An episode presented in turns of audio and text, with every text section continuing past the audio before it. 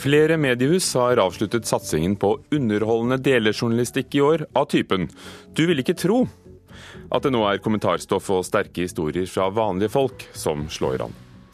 Suksess for kveldsåpent ubetjent bibliotek i julen, nå skal tilbudet utvides. Og krigsherjede Palmyra var et av antikkens viktigste handelssteder, og dagens stopp i vår historiske reise. Her i Kulturnytt i Nyhetsmorgen i NRK. Listen over eh, de sakene som ble mest delt på sosiale medier i år, viser at den såkalte buzzjournalistikken, med underholdende saker som lett deles på sosiale medier, fremdeles er populær. Likevel kommer vi til å se færre slike saker fremover, tror NRKs avtroppende sjef for sosiale medier, Ingeborg Woland. Flere mediehus har altså stanset sine satsinger i løpet av året. Dette til tross for at årets mest delte sak, ifølge nettstedet Storyboard, er en liten artikkel på tv2.no om at den yngste i søskenflokken er den morsomste. Jeg har sett den saken. Eh, jeg er jo ikke den yngste i søskenflokken, eh, så jeg er selvfølgelig helt uenig i den forskningen. Det tror jeg stemmer, for jeg er jo yngstemann i min søskenflokk, og også den morsomste. Har du sett den saken? Ja, det har jeg. Har du noen søsken sjøl? Dette er min lillesøster. Er det du som er morsomst i flokken? Ja. Jeg kommer alltid med gode og morsomme kommentarer. Folk på gata i Oslo illustrerer at søsken og humor er engasjerende stoff. Perfekt for deling, mener NRKs ekspert på sosiale medier, Ingeborg Woland alle vi som har søsken, har jo en mening. Enten jeg som storesøster, som da mener at nei, det her er jo aldeles hårreisende, men det kan godt være at lillesøstera mi har god, god, behov for å dele den med meg og si at ha-ha, det er det jeg alltid har sagt. Så jeg tror det er noen ting som er utrolig allment. Folk som er veldig flinke til å synge er også populært, og kanskje særlig når viraltube.no frister med følgende tittel Gutten skal synge en sang fra 50-tallet, men etter kun ni sekunder er dommerne i ekstase. Klippet fra en tysk The Voice-audition ligger som nummer fire på lista over årets mest delte saker. Folk liker å høre folk som er flinke. Eh, og når det i tillegg er unger som er flinke, så er det veldig lett å engasjere seg i det. Den type delinger tror jeg vi kommer til å se mer av. Jeg liker det på Facebook, og ved det så deles det. Jeg har ikke noe imot det. Jeg har full forståelse for at folk bruker sosiale medier til å dele det, men jeg gjør ikke det personlig. Ja, det er jo det er morsomt, da. Morsomt med, med katter som eh, blir redde for ting og sånn. Katter og andre videoer med titler som begynner med 'Du vil ikke tro hva som skjer', er likevel på vikende front, tror Ingeborg Wolan. 2015 har vært året da alle mediehus starta egne Buzz-redaksjoner, og kutta det ut igjen etter kun få måneder. De eh, sånne Buzz-sidene som kommer ut av de tradisjonelle mediehusene, de finnes jo ikke lenger. Så sånn sett har kanskje andelen av sånne Buzz-saker blitt litt lavere. Enkelte mediehus oppdaga at eh, troverdigheten vår eh, kan bli litt utfordra når vi sender ut veldig mye sånn her 'du vil ikke tro hva som skjedde'-saker. Buss-redaksjonene er blitt færre, men mediehusene er avhengig av deling, og kommer nok ikke til å slutte å prioritere lettfattelig, delevennlig stoff, tror høyskolelektor ved BI Cecilie Staude. Så lenge sosiale medier har såpass stor betydning for å generere trafikk inn til nettaviser, så vil det ha stor prioritet, for det er selvfølgelig viktig for alle redaksjoner å nå eh, så bredt ut eh, som mulig. Kommentarstoff har også fått plass på lista over saker som blir mye delt. Åpent brev til mulig Mulla Krekar, skrevet av Mohammed Ra, ligger på en tredjeplass, og lenger ned på lista finner vi kronikker skrevet av foreldre, fastleger og kreftsyke. Rett og slett vanlige, ukjente folk. Fordi vi deler ofte saker som det er lett å samles rundt. Det er folk som har en egenopplevd historie, eller som har et eget perspektiv. Eh, og jeg tenker at det er ganske bra for det offentlige ordskiftet at den type meninger får såpass stor fart på internett. Sa til slutt Ingeborg Woland, som har vært ansvarlig for NRK på sosiale medier inntil nå, og før henne Cecilie Staude fra Handelshøyskolen BI og reporter Torkil Thorsvik. Gard Steiro, nyhetsredaktør i VG, god morgen. God morgen, god morgen. Du hører at folk liker fortsatt å dele saker med, med forlokkende titler og, og pussig innhold, og likevel har dere valgt å legge ned viralsatsingen. Hvorfor? Dette var et uh, prosjekt, eller et eksperiment. Uh, det var ganske vellykket. Uh, på enkelte dager så hadde vi like mange brukere som mange regionaviser. Og likevel så var ikke det nok til å fortsette. Eh, dette innholdet som vi lagde på vår side som er TLDR, eh, det var i seg sjøl ikke veldig viktig for VG. Og så merket vi jo at lesingen var svært ustabil, og brukerne var lite trofaste. Ikke nok til å fortsette, sier du, fordi dere ikke tjente nok, eller fordi eh, det ikke var bra nok i forhold til å, å, å være noe av VG? Nei, det var ikke godt nok, og det viste seg heller å være lite forlokkende å drive et nettsted da det eneste suksesskriteriet var at uh, man, stoffet ble delt, og at man traff på de skiftende algoritmene til Facebook. Deling på Facebook er jo tross alt noe som jeg vil tro er viktig for redaksjoner. Er det det for dere? Ja, det er fortsatt det er viktig. Påvirker det da sakene dere skriver, og, og, hvordan dere skriver dem? Ja, til en viss grad. Men jeg tror vi er helt i starten av denne, av denne fasen av medieutviklingen. Altså, Den buzzbølgen er jo nå over, eller så har den iallfall stilnet. Og det er vel kanskje like greit. Altså, Norske medier viste jo oppsiktsvekkende lite originalitet i disse stedene man startet opp. De var jo kliss like. Det som er mer interessant nå, er jo at er jo at Facebook nå ruller ut sine instant articles. Google svarer med noe som kalles accelerated mobile pages. Og her eh, lokkes jo mediene til å distribuere innholdet sitt på eh, de sosiale mediene sine eh, egne plattformer. Og vi den, Når vi går inn i den fasen, så kan denne, dette endre journalistikken og mediebruken enda mer enn det man har sett deling har gjort til nå. Hvordan vil de gjøre det? Da flyttes jo leserne fra uh, medienes egne nettsteder og over på de sosiale mediene. Og det vil du vel ikke? Nei, ja, det er vel noen som i, i andre land har man sett enkelte medier ønske å gjøre det og publisere alt innholdet. I Norge tror jeg det kan være en farlig utvikling, iallfall for mange medier. Hva kan dere da som et av landets største mediehus gjøre for å unngå at, at, sosiale medier og et stort nettsted som f.eks. Facebook blir den eneste plattformen for, for, nyhetsinnhold? Ja, Vi kan gjøre en del. For det første tror jeg vi må forstå eh, sosiale medier langt langt bedre enn vi gjør i dag. Vi må forstå hvilket innhold vi kan og bør eh, dele på sosiale medier og hvilket innhold vi må holde for oss sjøl. Når det gjelder VG sin del, så er det det løpende nyhetene må vi holde på sjøl. Og når folk kommer til VG, og det gjør de jo i dag, så må vi komme der for å få siste nytt, og det må de få hos oss. Så er det en del annet innhold vi nok kan distribuere, og bør distribuere på ulike sosiale medier. Dessuten så er det jo et paradoks i dag at vi er jo, de fleste mediene er jo veldig glad i å dele stoffet sitt i, med konkur amerikanske konkurrenter, men vi er ikke like flinke til å tenke samarbeid på tvers. Og det er ikke, etter min mening i alle fall ikke en utenkelig tanke at også VG distribuerer stoff fra andre medier i Norge. Det handler vel litt om hvor annonsekronene går også? Ja, det handler det jo det handler det til en viss grad om. Men jeg tror det viktigste er at vi nå er i en fase der Facebook, spesielt Facebook, er i ferd med å bygge seg veldig veldig store og bli en form for infrastruktur på nettet. De tar jo allerede en stor del av annonsekronene. De tjener penger på journalistikk uten å finansiere journalistikk. og Det gjør at vi må ha et bevisst forhold til hvordan vi bruker det. Takk skal du ha, Gard Steiro, nyhetsredaktør i VG.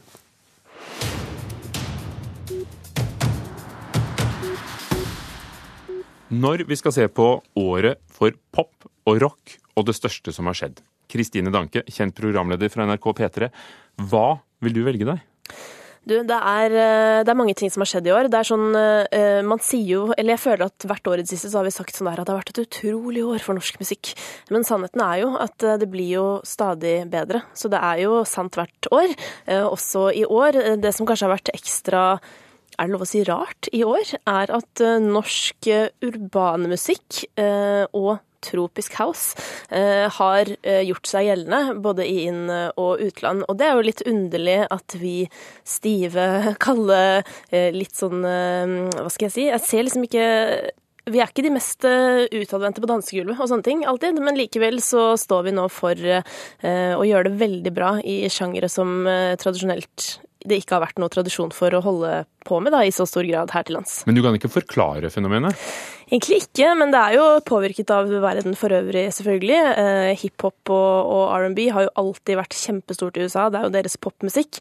Eh, og norske folk blir jo påvirka. I år har jo Lars Vaular, Unge Ferrari og Arif blant annet vært, eh, vært norske artister som har gitt ut plater som har fått ekstremt mye skryt i norsk eh, media, og det har sjelden vært så mange gode norske rappere. Dessuten så har vi jo mer kjente folk som eh, Kygo, Matoma, som står for, hva skal man si, den norske tropiske house-tradisjonen. Eh, plutselig så har vi nordmenn eh, stått bak et sound som har gjort seg kjempegjeldende i verden. Til og med Justin Bieber på sin fenomenale låt fra i år, What Do You Mean, har jo innslag av tropisk musikk. Og så er det ett navn du skal velge deg nå. Ja, det er jo sånn at uh, av alle norske folk som har på en måte klart å sette seg på det internasjonale kartet i år, så er det en som har utmerka seg spesielt for meg. Uh, jeg har et veldig nært forhold til Aurora fra Bergen. Jeg husker den dag i dag første gang jeg hørte en av låtene hennes, som hun hadde lastet opp på Soundcloud for sånn to og et halvt år siden nå. Uh, en demo. Og jeg var helt over meg av begeistring og tenkte sånn shit, altså den dama her, altså hun kommer til å bli stjerne. Jeg sendte til alle jeg kjenner som jobber i platebransjen. Uh, og jeg vet at etter det så var det mange som ville møte henne. Det ble masse, masse styr. Og nå, to år senere, så er hun inne på de britiske listene. Hun er Katy Perry sin nye favorittartist. Hun er virkelig en av de som blir snakket om i hele verden som en av de nye eh, store kommende stjernene. Og altså, jeg vet ikke om dere så henne på Nobelkonserten, men se på dama, liksom. Hun er helt magisk.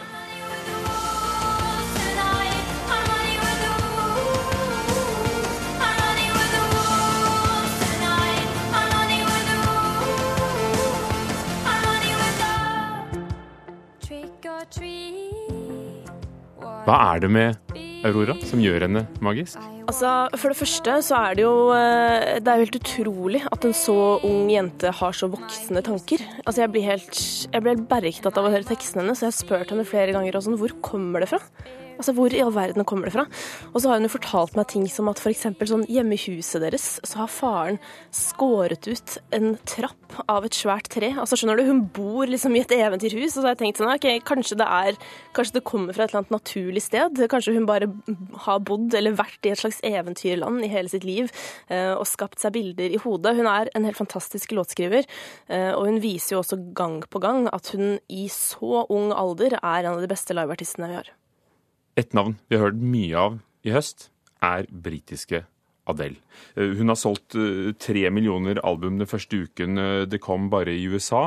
Skal ha konsert på Fornebu. 23 000 billetter ble solgt på 20 minutter. Kan du forklare fenomenet?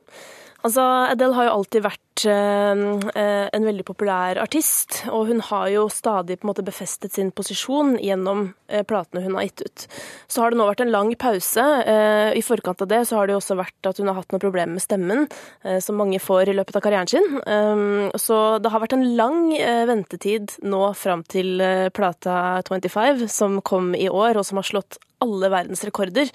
Men jeg tenker jo sånn, for det første så har hun jo så hun har en helt utrolig stemme.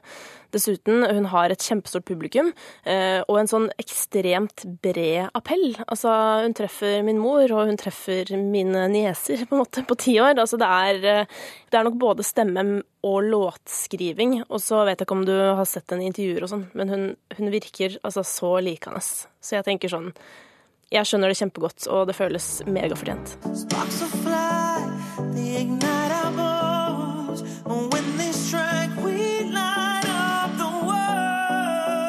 Dette er også et verdenskjent fenomen fra Norge. Har blitt det. Kygo. Mm. Opptrådte på Nobelkonserten, etterspurt over hele verden, gir veldig få intervjuer. I hvert fall her hjemme. Hva kan du si om ham? Han er en veldig stille fyr. Han er en helt vanlig gutt. Det sier man jo om de fleste, men han er virkelig det. Jeg har møtt han noen ganger, og han er, han er så en utrolig rolig vesen. Og det har jeg hørt fra folk som har jobba med han også, at sånn der, i møte med måte store, kjente artister, så er han har sånn rolig vesen over seg. Og jeg tror han skaper mye trygghet i, i studiosituasjoner. Så har han jo også på en måte klart å, å bygge seg opp enormt på kort tid. Hva har skjedd av nytt i 2015? Altså Det jeg føler har skjedd eh, i Norge spesielt, jeg føler at det her er året hvor vi virkelig har fått fram en hel haug med norske artister som kommer til å gjøre det bra i utlandet. Eh, det være seg Aurora. Eh, Nico Vince har jo hatt et magisk år og kommer trolig til å fortsette å ha det. Vi har andre produsentstjerner som Lido, tidligere kjent som Lido Lido, og Cashmere Cat, som produserer for store internasjonale artister. Det mange ikke veit, er at unge Lido fra Haugesund har produsert en plate som gikk rett inn på andreplass på Billboard Billboard i år for sin eh, kjæreste eller ekskjæreste Halsey. Det er jo ganske big deal. Eh, Cashmere Cat er bl.a. med på den nye skiva til eh, R. Kelly. Det er jo veldig stort. Og så har vi jo Astrid S, som jeg også tror kommer til å bli stor stjerne. Så det har vært en av tingene som har vært hvert fall veldig stort for, for meg i år. At det er sånn shit, i år har vi funnet de norske artistene som kommer til å ta over verden, tror jeg. Kristine Danke, programleder i NRK P3. Jeg har aldri følt at jeg har vært så orientert om hva som har skjedd i musikken som nå. Takk for at du kom. Tusen takk. Klokken er 19 minutter over åtte. Du hører på Nyhetsmorgen i NRK. 35 mennesker har mistet livet i brann i år. Det er det laveste tallet på over 50 år, ifølge Brannvernforeningen. Det kommer kraftige reaksjoner på at regjeringen vil nekte asylsøkere rettshjelp. Regjeringen vil ikke lenger gi advokathjelp til asylsøkere som har fått avslag i Norge, og som kan reise videre til et annet land. Flere steder i landet har ubetjente bibliotek blitt en suksess utenom vanlig åpningstid. For første gang kunne lånere i Oslo gå på biblioteket i helligdagene i julen. Over 1100 besøkende prøvde de to filialene som holdt åpent. Norsk bibliotekforening frykter ubetjente bibliotek skal bli en standard når ordningen utvides. Men i Oslo i går var det flere som eh, var glade for tilbudet. Eh, vi holder på å studere, ja. Så vi forsøker å ta oss sammen til å få lese gjennom pensum. Jeg uh, sitter og leser, som du ser nå. Um, låner stadig bøker, videoer. Det er romjul og kveldstid på Deichmanske bibliotek på Majorstua i Oslo. Siden juni i år har brukerne av denne filialen kunnet sitte på biblioteket tidlig om morgenen og sent på kvelden uten ansatte til stede. Vi har nettopp funnet ut av at det kan vi, så vi har ikke gjort det ennå. Men vi håper på å gjøre det i dag. Jeg syns det er ganske gunstig. Man kan bare sitte og gjøre noe ja, på kveldstid. Og når jeg har tid, rett og slett. Konseptet heter Mer åpent og har bredt seg ut flere steder i landet. Og for første gang hadde denne filialen åpent i julen uten at noen ansatte var til stede. Ja, vi var jo veldig spent på det. Så skulle vi ha fire hele dager uten at det var noen eh, ansatte til stede. Kristin Danielsen er biblioteksjef ved Deichmanske. Og det var jo 1100 innom i løpet av disse dagene, så det var helt åpenbart et behov. Bare på julaften var 41 mennesker innom filialen på Majorstua mellom klokken 17 og 23. Ved de to meråpne filialene i Oslo har det på noen få måneder vært en økning i brukere på opp mot 31% Og nå utvides tilbudet. Vi kommer til å åpne på Bøler allerede 6. Og så følger vi på med både Furuset og Tøyen. Og dette skal jo rulles ut i hele filialnettverket vårt innen 2018. Ordningen har vært praktisert flere steder i landet, og på tross av at ingen ansatte har vært til stede, har ikke bibliotekene opplevd noe særlig til verken hærverk eller tyveri. Jeg kjenner til Nesodden og Sarpsborg og eh, i Larvik og i Tromsø. Der har de også vært veldig fornøyd. Eh, og her i Oslo så har vi hatt veldig positive erfaringer. Så vi sier at tillit, det tror vi at gir tillit tilbake. Og det har vi sett så langt at uh, stemmer veldig, veldig bra. Jeg har bodd i Norge i 15 år, og en av de første tingene jeg gjorde, var jo å registrere meg på Deichmanske biblioteket. Så. Benytter du deg mye av de ansatte på biblioteket når du først er her? Så ofte jeg kan. De kan mye mer enn jeg kan, så jeg anvender dem så ofte jeg kan. De er bra kunnskapsbank. Mariann Skeide er leder i Norsk bibliotekforening, som representerer landets mange bibliotekbrukere. Det er jo bare en vinn-vinn-situasjon hele veien. Hun mener flere kommuner må følge etter, men frykter at politikere kan ta det litt for langt politikere må tenke over at dette her er et supplement. Dette her handler faktisk ikke om å erstatte noen som skal holde åpent. Det er et supplement til en kompetanse som er der, og den må fortsatt være der. Fordi at bibliotek er veldig, veldig mye mer enn å låne bøker. Og reporter var Marie Røsland. I går snakket vi om Nasjonalmuseet i Damaskus med sine enestående billedfortellinger fra jødisk historie, og som fortsatt står der. Et sted som har vært mye sterkere rammet av krigen i Syria når det gjelder kulturminnene, er byen Palmyra. Mye er ødelagt av den såkalte islamske staten, terrorgruppen IS. Halvor Moxnes, professor emeritus i teologi fra Universitetet i Oslo. I dag skal det handle altså om Palmyra, og det heter Palmyra nå. Den gang het det Tadmor eh, det er jo da eh, et mer et, et semittisk eh, navn som betyr det samme. Det er palmebyen, fordi at dette er, er jo en oase midt ute i ørkenen. Og, og, så er da det latinske navnet, oversettelsen i den latinske bibelen, er jo da Palmyr. Og det var ingen hvem som helst som lot den bygge? Altså, Det er, er da ifølge den, den, jødiske, eller den eh, gammeltestamentlige tradisjon, eh, så var det Salomon. Eh, dette er jo da omstridt om, om Salomons rike gikk så langt som hele, helt ut i nærheten av, av Eufrat. Det er mulig at det har skjedd en kombinasjon. Men i hvert fall det er en av de skal vi si, opphavslegendene da for, for Palmyra. Uansett hvem som, eh, som satte i gang, så var det et veldig viktig sted på reisen mellom Romerriket og Østen. Ja, eh, det var jo et av de aller viktigste karavanestoppene og, handelssteder for eh, da handelen til Persia og til India, og, videre via Damaskus og, med båt da til Rom. Eh, og, og, og, hvor man da innførte Det var jo særlig luksusstoffer som kunne føres eh, lange veier, fordi at det måtte jo være lett å frakte på kameler og, og sånt. Du kunne ikke ha store ting. slik at, at det kunne da være f.eks. gull, røkelse og myrra. Eh, fordi at her kan vi i hvert fall tenke oss at kanskje var det her de vise menn fra Østen som var på vei for å finne Jesusbarnet i Betlehem, fulgte stjernen hjernen eh, at dette kan ha vært en av de sentrale veiene som de har kommet efter. Vi vet jo ikke noe om hvem de var, hvor de kom fra, om de har eksistert.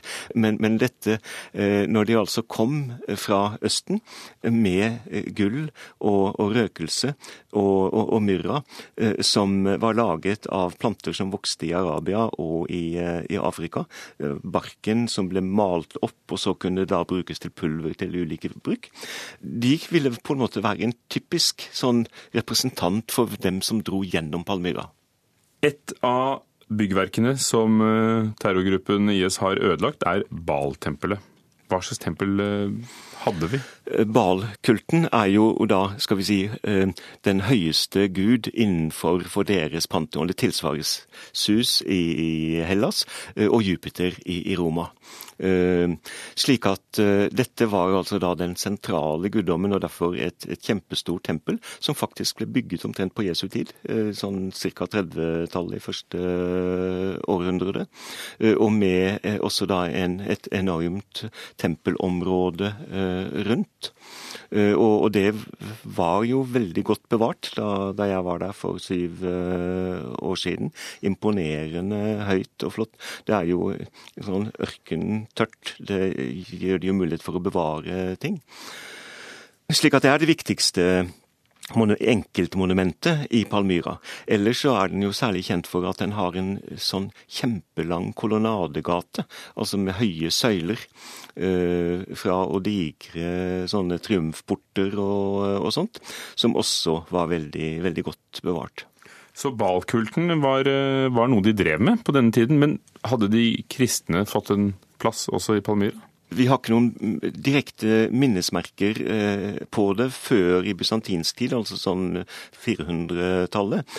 Men, men, det som gjør at vi kan tro at det har vært kristne der før, er jo at den byen vi snakket om i går, Dura Europos, som ligger ved Eufrat et godt stykke lenger øst fra Palmyra, men liksom hvor Palmyra er på veien, der har man ved siden av den synagogen jeg fortalte om, også funnet en kirke. Altså den første bevarte kirken fra ca. første del av 200-tallet, eh, og med fantastiske fresker der også.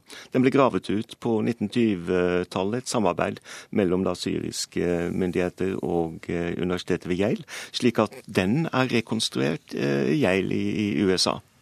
Så der ligger den. Takk skal du ha. Halvor Moxnes, professor i teologi fra Universitetet i Oslo og forfatter. Vi fortsetter vår reise i morgen. Og det var punktum for Kulturnytt i dag, som var ved produsent Vidar Sem og programleder Ugo Fermarello. Du hører på Nyhetsmorgen i NRK. Klokken er straks halv ni.